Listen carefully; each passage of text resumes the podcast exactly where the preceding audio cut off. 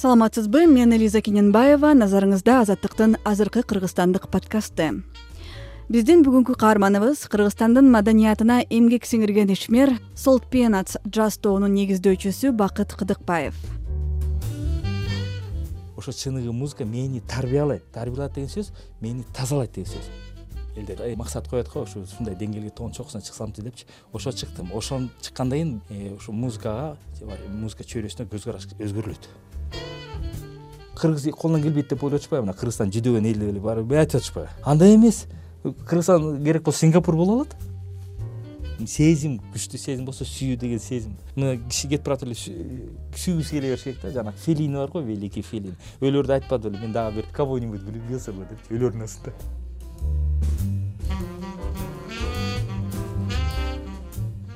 сиздин маектериңиздин көбү орусча экен да? Анан балким кыргыз тилдүү аудиторияга дагы кичине жакшы болмок. Мен ооба жеткирсек окуучуларым кыргыздар эле. Бирок кээ бир эме терминдер кыйнап кетип которгондо мааниси кетип калат. Филологдор жакшылап иштесе жакшы болмок. Бакыт кыдыкбаев отуз жылдан ашуун убакыттан бери музыкалык окуу жайларда сабак берип келет. Учурда ал кыргыз улуттук консерваториясынын урма жана үйлөмө аспаптар кафедрасын жетектейт эки миң экинчи жылы бакыт кыдыкбаев уулдары эркин кубан жана башка музыканттар менен кошо солт пенатс тобун негиздеген. Топ атактуу джаз музыканты дизи гилепсинин солт пенатс деген чыгармасынан улам ушундай аталып калган.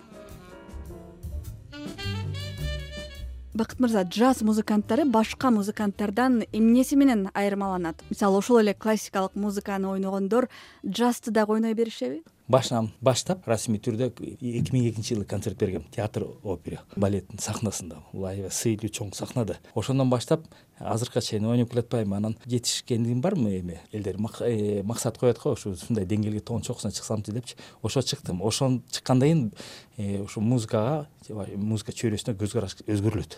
Анткени биз башка өлкөдө жашайбыз да. Түшүнүгүбүз мына түштө көргөндөй информация алабыз да. Мен тиякты көрүп анан чыныгы жанагы джаз музыкасы бул өзгөчө эмне үчүн деп айтса болот анткени африканский культура менен американский культура аралашып анан өзгөчө синтез болуп анан кыйналып кыйналып анан жеткен эмеси да. Анан ал ошо өзгөчөлүгүн сезмейинче түшүнбөйүнчө ал музыканы туура ойной албайсың ойнойсуң окшош турчу мына баары эле туура туура атпайбы туураган ал баары бир түбүнө жетпейт да. Ошон үчүн биринчи өзүңдүн мамилеңди өзгөртүш керексиң. Анан ошону түшүнүш үчүн э, э, күн сайын күн сайын ошондой дүүлүгүп монтип демиң алып бир кызык абалда жүрүш керексиң да ошондой абалда жүргөн ошо жазмен боло алат. Анткени ал э, кандай гана абалда болбосун ага мисалы сунуш берсе азыр ойнойбейт десе ал ойной берет да таң калыштуу бир ушундай бийик деңгээлде бир өзгөчө сезим менен ойнойт да алчы. Академический музыкада даярданат пландайт асты тиякта деле бар бирок алар мисалы концертке даярданат бир концертти жасайын тигиндей анан мынтип анан кийин ошо күүлөнүп туруп анан ошо чыгат.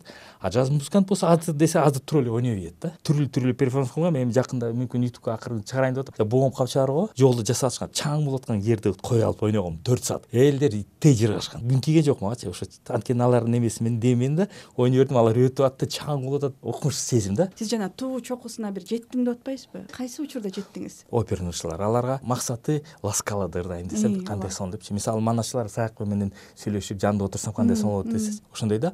А джаз музыкасында эки эле сахна бар да бёдланд деп коет да. Бир киши болгондо бир миң тогуз жүз жыйырманчы жылы төрөлгөн чарли паркер деген. Гений анткени билими жок. Ага чейин джаз музыкасы мындай болчу да ресторанда тойлордо ойногон музыка болчу да элдер бий музыкасы болчу а бул жок бул музыка бий үчүн эмес бул сезим анан интеллект үчүн деп жаңы бир тилди чыгарган да музыкалдык тилди. Анын эмеси жанаг кличкасы деп коет го аны бёрд деп койчу да чымчык болчу да ушунчалык бат ойночу да. Анан ал өлгөндө отуз жашында ал деле кимге окшош моцарт сыяктуу өлдү. Эрте өлүп анан ошонун атынан э, ойногон жеринде ошо бёдланд деген джаз клуб ачылган. Ошо джаз клубда эки жолу ойнодум мен. Залкар музыканттар ойногон сахнада ойнодум дагы эме авторитеттүү сахна бар да джон кеннеди деген президент болгондо ошонун сахнасында. Анан болгону зал миллениум стейдж деген зал тысячелетия жана обама отуруп алып мурун музыканттарды тосот го ошондой только джаз сахнасында ойнодум эки миң он алтынчы жылы жакшы болду. Анан эки миң он жетинчи уже бёдландды эки миң он сегиз дагы бёдланды.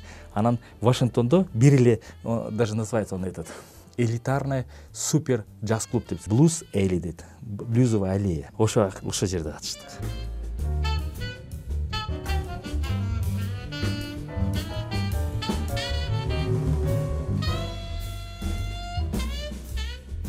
бакыт кыдыкбаев бишкектеги мукаш абдыраев атындагы республикалык атайын музыкалык мектеп интернатын бүтүргөн. Ал өспүрүм кезинде түнү менен америка добушу радиосунан америкалык джаз музыканттардын чыгармаларын угуп чоңойгон. Ошол америка добушун түнү менен уккан өспүрүм кийин атактуу музыканттар ойногон сахнага чыгам деп элестетти бекен анан ал белгилүү сахналарга чыккандан кийинки сезимдер кандай болду? Ошол сезим менен тияка жеткен сезим экөө бирдей.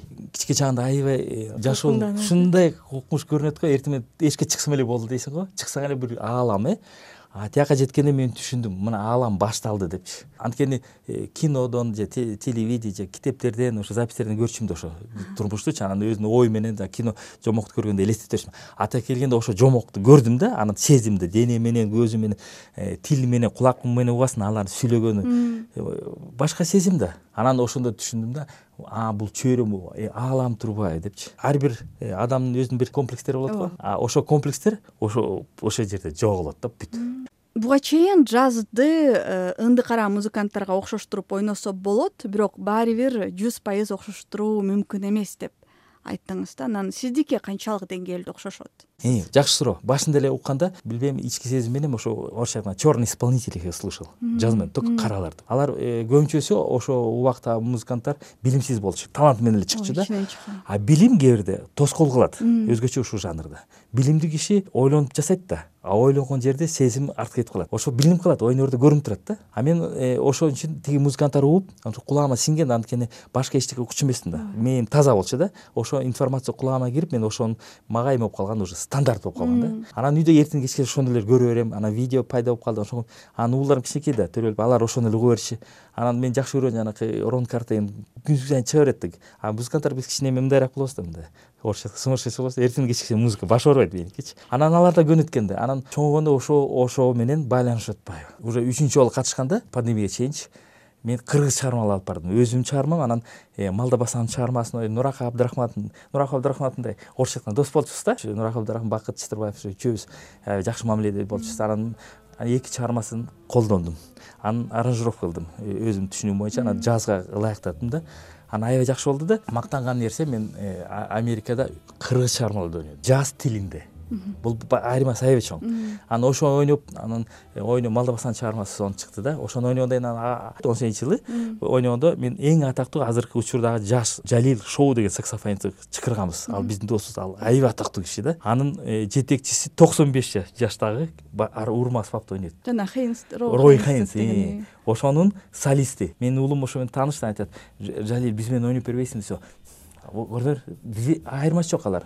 Алар жанаг греми алган менен э, студент экөө бирдей эле. Түшүнүгүчү.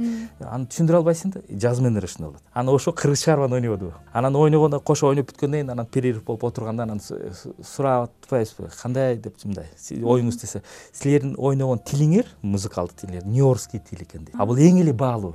Потому что нью йорк это центр мира. Если ты играешь как нью йоркский музыкант то все любой точке мира жүрө берсең болот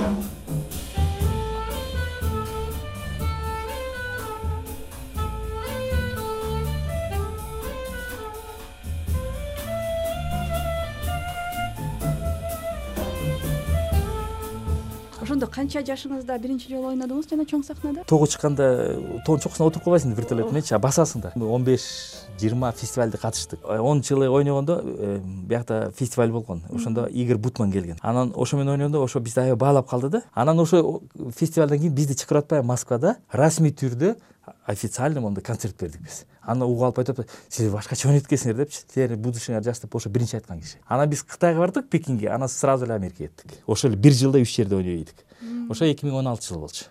Эки миң он алтынчы жылы ошо америка жанагы кеннеди центр сахнасында ойнодук ошондо манашыны алып бардым мен да манашыны алып баргам. Манашыны кошуп атам да. Мага айтып атпайбы манашыны алып сен ар дайым манашчы менен бир проект жасасаң макул дегем да. Акча каражат да болуп калды да. Анан кысып калган үчүн бир комузчуну алдым.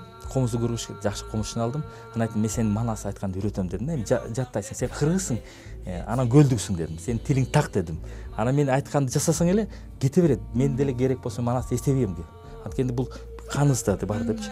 Ошондо өзүм үчүн мен как научный подход мен доказал да өзүм үчүн что жакшылап сүйлөшүп жакшы туура айтса любой кыргыз айта алат. Анан үйрөтпөдүмбү анан бияка келгендечи ал комузчу да барып атпайбы сен манас айтканды сонун турбайсың комуздан да жакшы айтат турбайсың депчи. Э, ну мен билем да мен эме тажрыйбам бар да кандай аранжировка кылыш керек кайсы жерде ачыш керек кандай токтош керек. Анан перформанс сонун болуп калды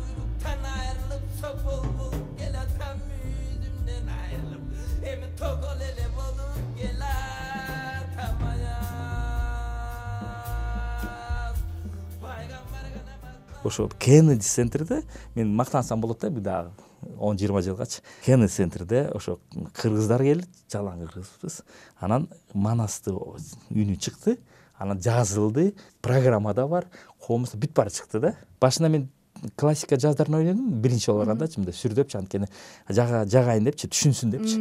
Андан кийин анан өзүбүз чыгармасы коштук үч чыгарма. Ошо үч чыгарма вообще фантастика деп атпайбы жашоодо просто так ничего не бывает дейт го. Жаз тобун уюштуруп ойноп жүргөндө мен мындай көзү менен жаттап коем да кимдер угат кандай көз караш менен. Анан бир жигит бар болчу да ар дайым бизди кол чаап анан эмоцияланып жүрөчүчү анан бияктан көрөм анан бир күнү жок болуп калды. Биз алматыда иштеп жүргөндө бир. Көрүп калдым да. Ал жүрөт. Анан ал дагы о деп ал кадыр токтогулов дейчү ал болсо журналист болчу.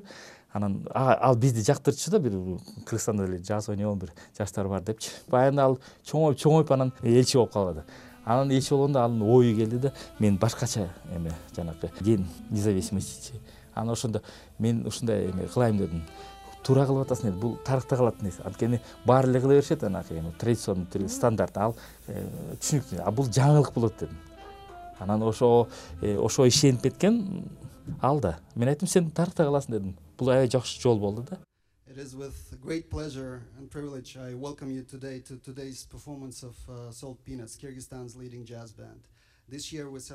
маданият. Эң биринчи ушу маданияттуу киши ишти жылдыра алат бакыт мырза сиз э, буга чейинки маектериңиздин биринде музыкадан адам сүйүү энергия алып анан мээси дагы тазаланат деп айткан экенсиз. Акыркы канча беш алты жыл мурун черниговский деген э, аялдын китебин окуп калдым да ал тоже ученый киши да. Анан окуп калып мен эмне үчүн жырганымды анан ошол жөнүндө баарын айта берем. Окугула депчи анткени мен ойлоп аткан оюмду ошо китепте айтылганча мен аябай жыргадым да. Анан музыка укканда мээнин иштеши иштегени музыка абалында эле только ошондой иштейт. Башка чөйрөдө андай таасир бере ала турган э, симптомдор болбойт. Анткени музыканын ичинде мисалы э, ну чыныгы музыкада симфония болобу академический музыка где генийлер жазган музыкада аякта формасы туура болот да чыгармада форма болот го.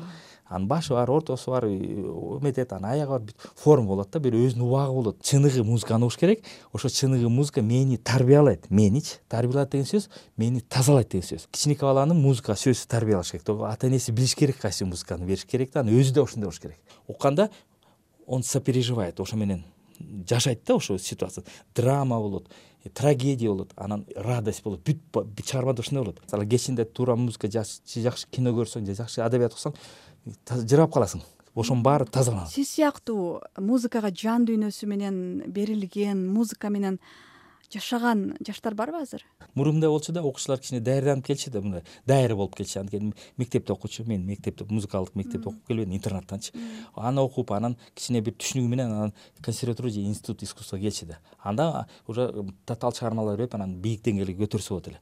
Азыр андай абал эмес. Азыр деле ушундай таланттуу балдар келет айылдан. Бирок билими жок. Нота жазганды билбейт окуганды билбейт. Анан ошо кыска мөөнөттө э, беш жылдын ичинде беш жылды үч жыл кылыш керек үч жылды алты жыл кылыш керек. Ушундай э, ошондой иштеш керекмин да. А андай иштеш үчүн кандай эме керек? Билим. Э, философия керек психология керек медицина керек. Анткени ал башы ооруп чарчап калса ай мындай кылды мындай кылды анан физкультураны үйрөтүш керек баарын кошуп туруп комплексно эткенде беш жылдын ичинде адамды өзгөртүп салса болот мен менде ушу өзүмдүн тажрыйбамда көп эме болду эми билбейм азыр иштеп жүрүшөт баарычы. Баарын сонун ойноп калгандар бар. Беш жыл аларга сүйүү куям практически эле физически куюп коем. Алар ошо мени менен сүйлөп жыргап эметип анан э, толкунданып ошол деңгээлге жетет. Анан э, бүттү анан кетти анан эшикке барса мен жокмун анан башка абал жанагы кыстырган турмуш акча табыш керек анан үйлөнүш керек тинтиш керек турмуш үйүн багыш керек ооба. Анан болбогон эме болбойм деп айта албайм бул шылтоо чын эле эгер чыгармачылык киши болом десең ал экинчи эмеге планга түшүш керек. Сезим керек да. Аякта эме расчет болбойт. Сезим күчтүү сезим болсо сүйүү деген сезим. А сезим болуш үчүн таза болуш керексиң. Таза энергияны эмес үчүн жанакындай толкундануу болуп туруш керек да. Ар дайым эртеңден кечке чейинчи киши кетип баратып эле сүйгүсү келе бериш керек да жанагы фелини бар го великий фелин өлөрдү айтпады беле мен дагы бир кого нибудь влюбился бы депчи өлөрдүн астында. Негизи ошондой баягы турмуштук темаларга келсек музыканттардын жан дүйнөсү башкача болот да. Анан силер э, ошондой түшүнүгү сезими ооба. Сезими анан ошо соңку социалдык саясий окуяларды кандай кабыл аласыңар анан кыргызстан жаш ошон үчүн жүдөп атат. Какап кайда чуркайм бияка чуркайм бул мындай алып көргөндө бир киши эмес бүт э, эл ошондой абалда да жаш түшүнүгү үчүн бул башка кыргыз берки кыргыз эмес жанагы кагана тубанда ал башкалар болчу. Просто аты эле калды да. Симфонический музыка бар э европейская классическая анан народный фольклорный бар э. Анан ошо ал деле музыка да. Аны кемситсе болбойт ал музыка. Бул фольклор бул народный бул классика. Анан ошонун дирижерун бияка отургузуп койгулачы ал деле айтат мен деле музыкант мен нотаны билем. Бирок эми азыр мындай ойнойбуз десе. Тили түшүнбөй калат да ошондой болуп атат азыр эти жактачы. Көп нерсени музыка аркылуу чагылдырам да. Мамиле болобу саясат проблема. Музыка аркылуу чагылдырганда мен түшүнүк өз ордуна келип калат да. Азыр мен кээ бирде көрөм э, супермаркет э, дордой плат бүт жерде базар эле болуп калды бирөө кооз көрүнөт бирөө эшикте сатып атат. Баарынын ою бирдей. Эшикте отурган аялдар байкуштар жанагы айылдыктар анан жаш кыздар сонун кийинип алып отурган. Экөө бүт бирдей мээсичи биякта бир эки эле он процент иштесе иштейт. Санап сыноо анан кантип эс алайын? Болду башка ой келбейт. Анан кайдагы жылыш болмок эле. Просто өзгөрткөн бир новатор керек. Ана негизи там жетимиш процент ошол ойдон эле жүрөбүз. Просто келбетибиз кийимибиз өзгөрүп атат. Жанагы тастаган кейипибиз ошол эле калып атпайбы эмне үчүн той болуп атат ниятта болуш да там бири бирине сыйлап жанагы энергиясын чыгарыш керек да. Бирөөнү көрүп алып кичине э, э, элестетип анан ичишип ошо да. Пандемия кандай өзгөрттүбү жазды? Мага пайдасы көп келди аябай көп. Нубансы деле түшүнүп аткам бирок э, массовый түрдө болгондо билесиң да баары эметип атканда сен көп нерсени калтыра бересиң го эртеңки полка чогула берет ошонун баарын тазалайсың. Анан жанагы күн сайын аткаруучу эме музыкантмын да ойноп турам да. Бирок андан тышкары жанагы наука деп коебу билим. Экинчи половой нагрузканы жасаса жакшы да мен мурун көп ноталарды жазчумун да ойлорумду жазып анан ошону аранжировка кылган убактар болчу ага убакыт жетпейт да анан ошо пандемия үйдө отурганда ошону жасайсың. Ошол жагы жакшы да. Ооба. Сиз буга чейин деле эки миң он сегизинчи жылы эле жок айтып жүрчү экенсиз го мына убакыттын баркын билиш керек ооба. ар бир мүнөтүн баалай билиш керек бакыт деген мына ушул жашоо депчи анан ошо пандемияда ошол нерсе көп адамдарга жетти окшойт. Э, жетип атат. жанагы кыргызстанда сиз сүйүнгөн жана өкүндүргөн нерсе эмне? Бүт баары сүйүндүрөт. Мен канчалык азыр канчалык мисалы кыйналып жүдөп аткан нерселерди көргөн сайын мен э, терең э, сүйүндүрө турган нерселерди көбүрөөк таап атам. Кейиштирген эме да бир эле нерсе да убакыт. Мына биз азыр мына сүйлөшүп айтып ушул убакытта кыргызстан оңолуп кетсе жакшы да. Оңолот кайда этмей эле анан. Ошо да анан болгону жаман да ошондой эле биз түшүнүк массовый түшүнүк келиш үчүн көп убакыт керек. Анткени жанакындай лидерлер таланттуу кишилер төрөлсө ар бир чөйрөдө мисалы түштүктөн илгери жанаг акелер болчу да ошолор кармап турчу да ошондойлор төрөлсө аалам түшүнүгү менен жашаган кишилер пайда болсо ошолор баланс кылып турмак да. Азыр андай болбой атат анан ал жөнүндө ойлобой атат кейиштирген ошол эле убакытты биз эме жоготуп атабыз. Кыргыз колунан келбейт деп ойлоп атышпайбы мына кыргызстан жүдөгөн эл деп эле айтып атышпайбы андай эмес кыргызстан керек болсо сингапур боло алат? Чоң рахмат сизге бакыт мырза ишиңизге ийгилик.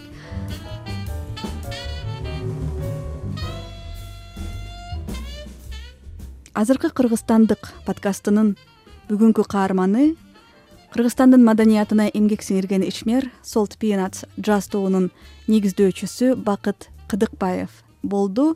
Берүүнү мен элиза кененбаева даярдадым. Саламатта болуңуз